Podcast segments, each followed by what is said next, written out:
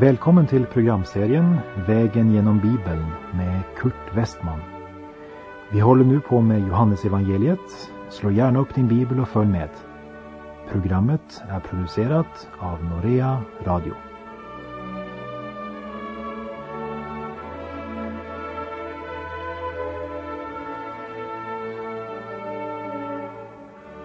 Vi har kommit till Johannesevangeliets trettonde kapitel och vers 18. I förra programmet såg vi redan från vers 2 hur förräderiets skugga vilade över denna Jesu sista måltid med lärjungarna. Lärjungarna är fyllda med bävan och det med rätta. Korsets skugga vilar över den lilla gruppen på övre sal. Vi läser i Johannes 13, vers 18.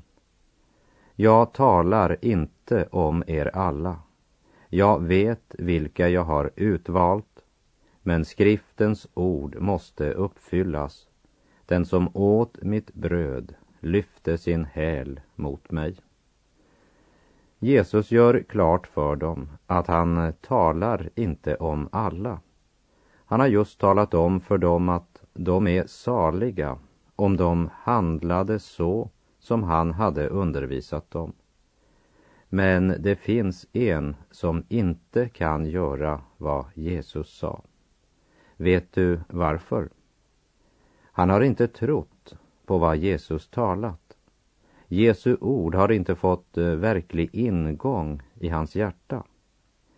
Jesu ord, jag talar inte om er alla jag vet vilka jag har utvalt. De orden är fulla av sorg. Jesus önskar inte att denne enes svek ska få dem att tvivla på deras egen höga kallelse. De är hans sändebud och representerar honom, var de än kommer. Jesus sa, ni kallar mig Herre och Mästare. En eh, mästare är en lärare och han måste bli trodd. Och en herre måste lydas. Tro och lydnad hör ihop. Frälsning och levande tro leder till lydnad. Judas hade inte den tron. Jesus citerar Saltaren 41, vers 10. Ja, också min vän som jag litade på, han som åt mitt bröd lyfter nu mot mig sin häl.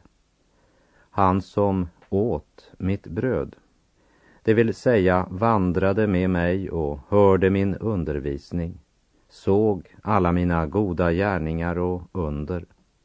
Han lyfte sin häl mot mig, det vill säga han besvarade min kärlek med det mörkaste förräderi och hat. Vi ska senare när vi kommer till Andra Samuelsboken se parallellen mellan Ahitofels förräderi mot David och Judas förräderi mot Jesus.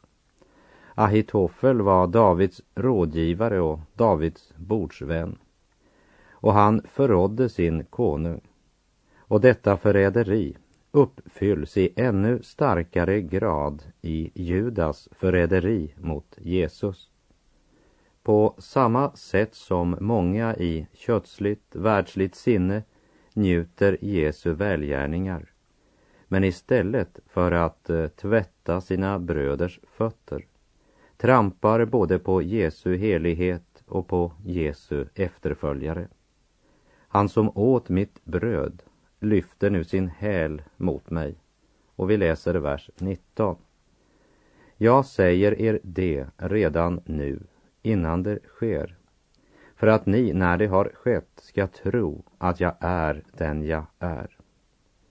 Jesus omtalar Judas förräderi i förväg, så att det inte ska komma som en överraskning på lärjungarna.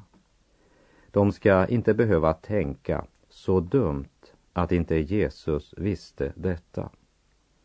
Har du någonsin lagt märke till att Jesus blev förrådd från insidan? Och det är sant än idag. Folk klagar så väldigt över livet omoralen och synden utanför kyrkan eller församlingen. Men den skadar inte församlingen. För sanningen är att flera av dessa syndare blir frälsta. Skadan kommer när Jesus Kristus blir förrådd från insidan. Vers 20.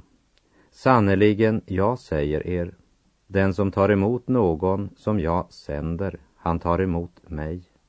Och den som tar emot mig, han tar emot den som har sänt mig.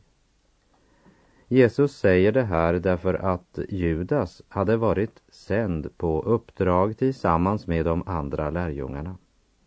Han hade predikat och botat sjuka. Den som tar emot någon som jag sänder, han tar emot mig. Ingen blir frälst genom budbärarens eller pastorns tro. Vi blir frälsta genom att höra Guds ord och motta Kristus. Om eh, brevbäraren kommer till dig med ett dokument som berättar att din rika farbror har dött och du är enda arvingen så förringas inte budskapet om brevbäraren skulle vara en tjuv eller äktenskapsbrytare.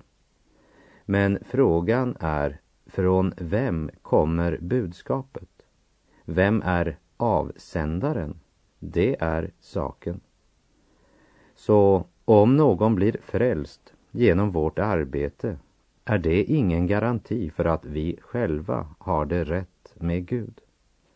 För även Judas gick ut och förkunnade budskapet och vann människor. Inte för att han var Judas, men därför att han hade blivit givet ett budskap. Den som tar emot budskapet, han tar emot Jesus. Gud välsignar sitt ord och vi blir frälsta genom att höra ordet och ta emot. Verserna 21 till och med 25. När Jesus hade sagt detta skakade han i sitt innersta och vittnade. Sannerligen, jag säger er, en av er kommer att förråda mig. Hans lärjungar såg på varandra och undrade vem han menade. En av dem, den som Jesus älskade, låg intill honom Simon Petrus gjorde tecken åt honom att fråga Jesus vem han talade om. Lärjungen lutade sig bakåt mot Jesu bröst och sa, Herre, vem är det? En av er kommer att förråda mig. Vi kan ju föreställa oss vilken chock det må ha varit för lärjungarna. Samtidigt är det allvarligt att tänka på att Judas hade varit så smart att ingen misstänkte honom. Men var och en av lärjungarna fruktade att det var dem. De visste att de alla bar på en natur som var i stånd till att falla och fela. Och trots alla stora ord från Petrus ser det ut som han kanske ändå anade något av sin svaghet. Och så ger Petrus tecken till Johannes att fråga Jesus. Om bara några timmar ska Petrus förneka sin frälsare, men inte förråda honom. Vers 26. Jesus svarade, han som får brödet som jag nu doppar. Och han doppade brödet och gav det till Judas, Simon Iskariots son. Det var sed att eh, den som var värd för måltiden tog en bit bröd, doppade det i såsen och räckte det till en äresgäst. Jesus gör Judas till äresgäst genom denna handling. Han ger honom ett starkt tecken på vänskap och det är äkta. Även om det samtidigt var ett tecken för Johannes på vem som skulle förråda Jesus. Judas befinner sig vid en korsväg i livet och Jesus håller dörren öppen helt till det sista. Till och med i Getsemane säger Jesus i Matteus 26, min vän, nu har du gjort ditt. Min vän. Det vill säga, förlåtelsens dörr är ännu öppen för Judas. Jesus visste vad Judas skulle göra, men Jesu förutvetande betyder inte att det var orsaken. Förutvetande är inte förutbestämmande. Låt oss skilja på det. Han erbjöd sitt vänskap till Judas helt till det sista.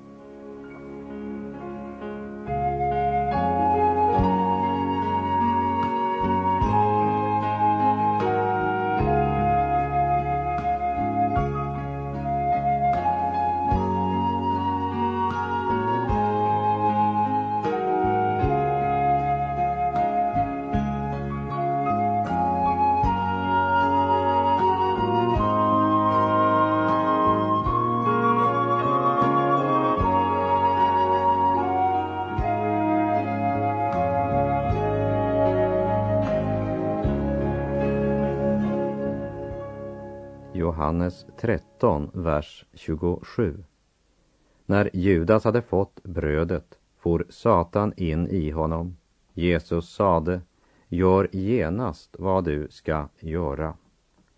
Satan övertog Judas liv steg för steg. Det skedde gradvis. Jag tror inte att Satan plötsligt intar en människa. Men hjärtats mark måste förberedas förrän själva intåget kan ske. Och så slutligen övertar han allt. Än en gång hade Judas vänt ryggen till Jesu utsträckta hand och då for Satan in i honom. Gud sänder aldrig någon människa till helvetet utan att människan först sänder sig själv dit. Ingenting får större konsekvens för en människa än att motta eller att förkasta Jesu budskap. Och nu ber Jesus Judas att gå med en gång. Men även om Judas gjort sitt val så betyder det inte att Gud har förlorat kontrollen. De religiösa ledarna ville inte arrestera Jesus under högtiden när det var så mycket folk i Jerusalem.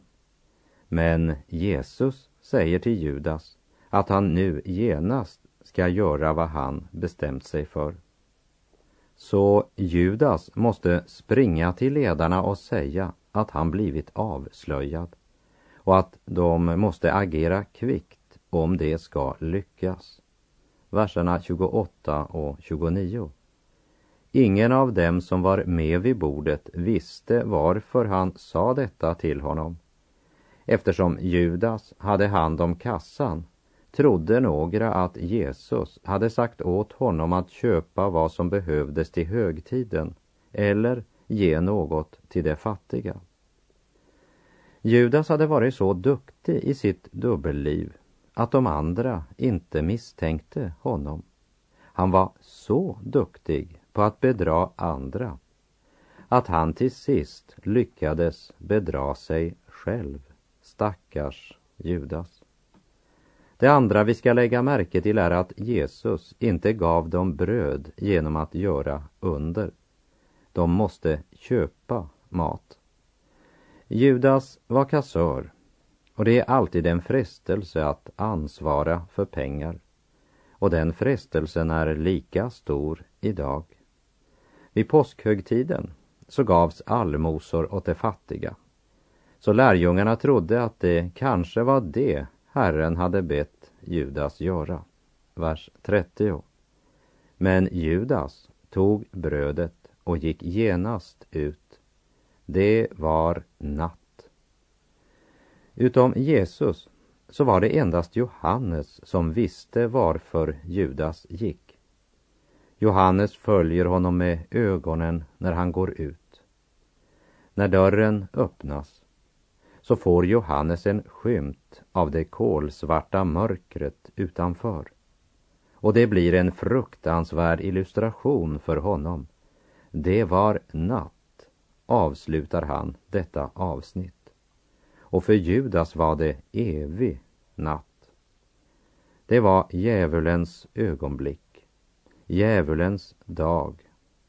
Och djävulens dag är alltid som mörkret som sänkte sig över Egypten. Vad Gud gör, gör han långsamt, stilla. Vad djävulen gör, gör han fort. Djävulen måste hasta, för hans tid är begränsad.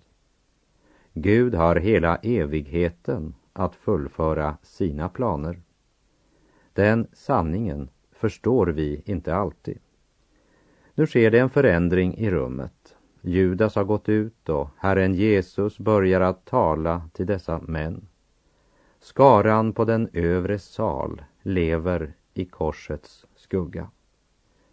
Nu försöker Herren att lyfta deras tanke och sin från det låga jordiska och till ett högre plan. Från här och nu till ett här efter. Från det materiella till det eviga. Från det som är världsligt och till det som är andligt. Och även om Simon Petrus avbryter honom så tror jag att Jesu avskedstal börjar här och fortsätter i kapitel 14. Vi läser vers 31 och 32. När Judas hade gått sade Jesus, nu har Människosonen förhärligats och Gud har förhärligats i honom. Är nu Gud förhärligad i honom ska Gud också förhärliga honom i sig och han ska snart förhärliga honom. Herren Jesus berör nu den andliga verkligheten.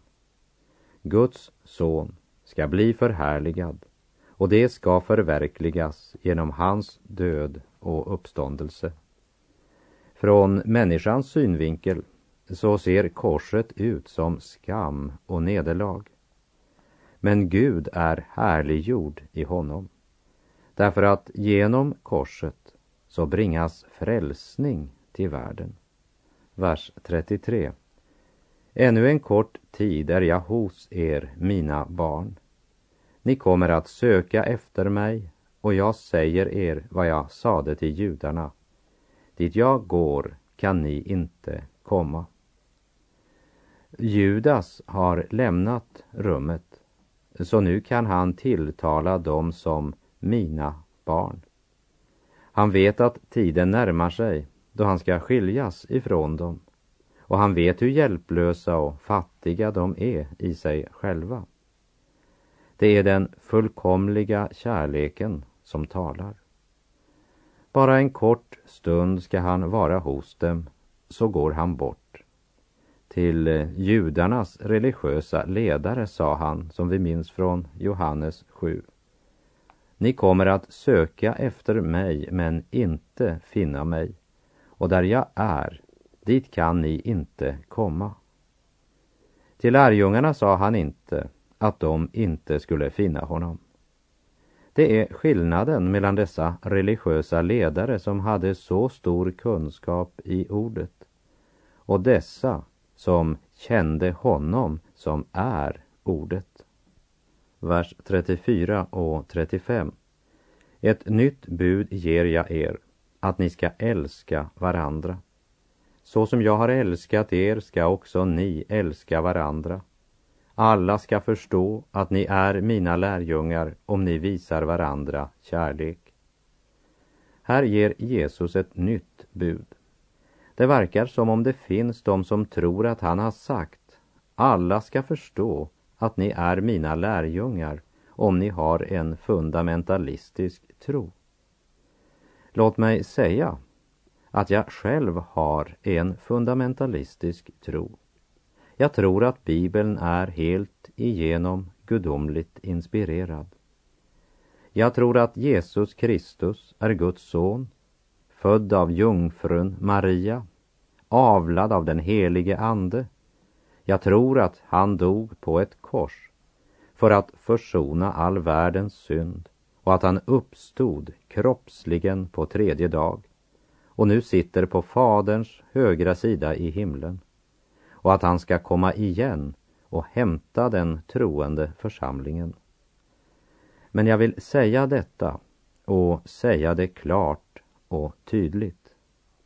Att tro allt detta överbevisar inte den ofrälsta världen. Men världen förgås i brist på kärlek. Världen hungrar efter kärlek och Jesus sa att det var kärleken som kännetecknade hans lärjungar. Alla ska förstå att ni är mina lärjungar om ni visar varandra kärlek. Han säger inte att alla människor ska bli frälsta om vi visar varann kärlek. Men han säger att alla ska förstå att vi är hans lärjungar.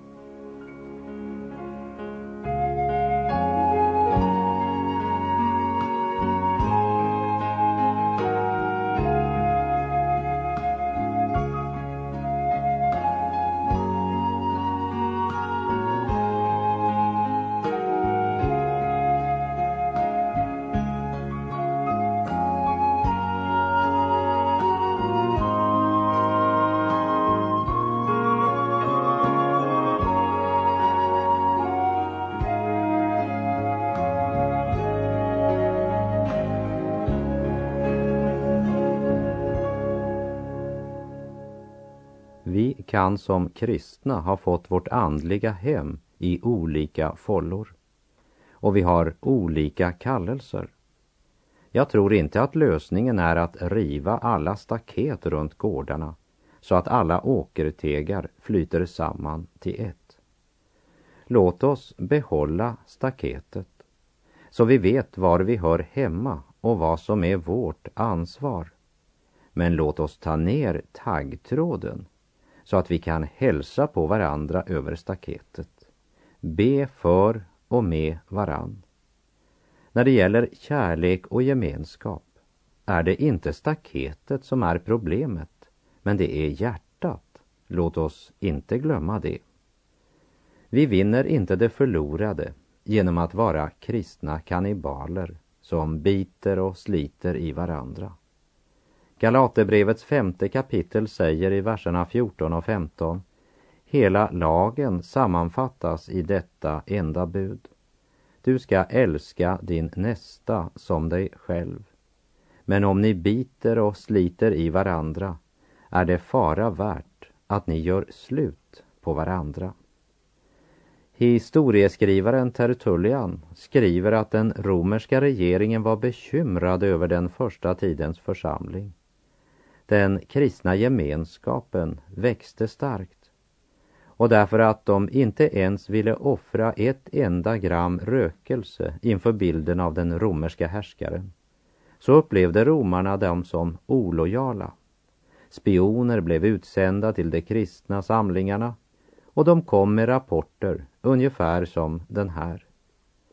Dessa kristna är ett underligt folk de möts i tomma rum för att tillbedja. De har ingen gudabild. De talar om en som heter Jesus, som inte är där, men som de verkar vänta när som helst. O, ja, o hur de älskar honom och som de älskar varann. Om eh, det blev sänt en spion från regeringen idag till våra kyrkor och församlingslokaler för att se. Vad skulle de tänka?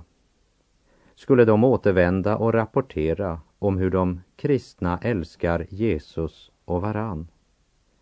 Johannes 13, verserna 36 till och med 38. Simon Petrus frågade, vart går du, Herre? Jesus svarade, dit jag går kan du inte följa mig nu, men längre fram skall du följa mig. Petrus sade, Herre, varför ska jag inte följa dig nu? Jag ska ge mitt liv för dig. Då sade Jesus, du skall ge ditt liv för mig. Sannerligen, jag säger dig, tuppen ska inte gala förrän du tre gånger har förnekat mig.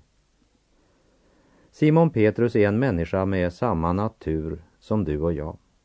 Kanske du ibland har undrat hur Petrus kunde förneka sin frälsare så som han gjorde. Men det är ingen av oss som inte kunde ha fallit så som Petrus. Petrus problem var inte Satans frestelse. Men problemet var hans tro på sig själv. Han hade ännu inte kommit till den erfarenheten och sanningen som Paulus vittnade om i Romarbrevet 7, vers 18, när han sa Jag vet att det inte bor något gott i mig, det vill säga i min kötsliga natur. Viljan finns hos mig men inte förmågan att göra det som är gott. Petrus älskade verkligen Herren Jesus, men hans iver var nog stundtals mera kötslig än andlig. Därför visar han stort mod när han får använda världsliga vapen för att försvara Jesus. Som till exempel när han drar sitt svärd och hugger örat av översteprästens tjänare. Men det var inte Jesu sätt. Jesus rörde vid den sårade mannens öra och läkte honom, som det står i Lukas 22. Väntan och tålamod var inte Petrus starka sida. Men Petrus sa, Vart går du, Herre? Och Jesus svarade, Dit jag går kan du inte följa mig nu, men längre fram ska du följa mig. Då hörde Petrus bara ordet nu. Han är som ett barn som ber om en karamell. Han vill ha den nu, inte efter att han ätit middag. Och så utbrister han, Herre, varför ska jag inte följa dig nu? Jag ska ge mitt liv för dig. Petrus menade vartenda ord när han sa det. Hjärtat brann, känslorna var på topp och han kunde inte tro att han skulle förneka Jesus om bara några timmar.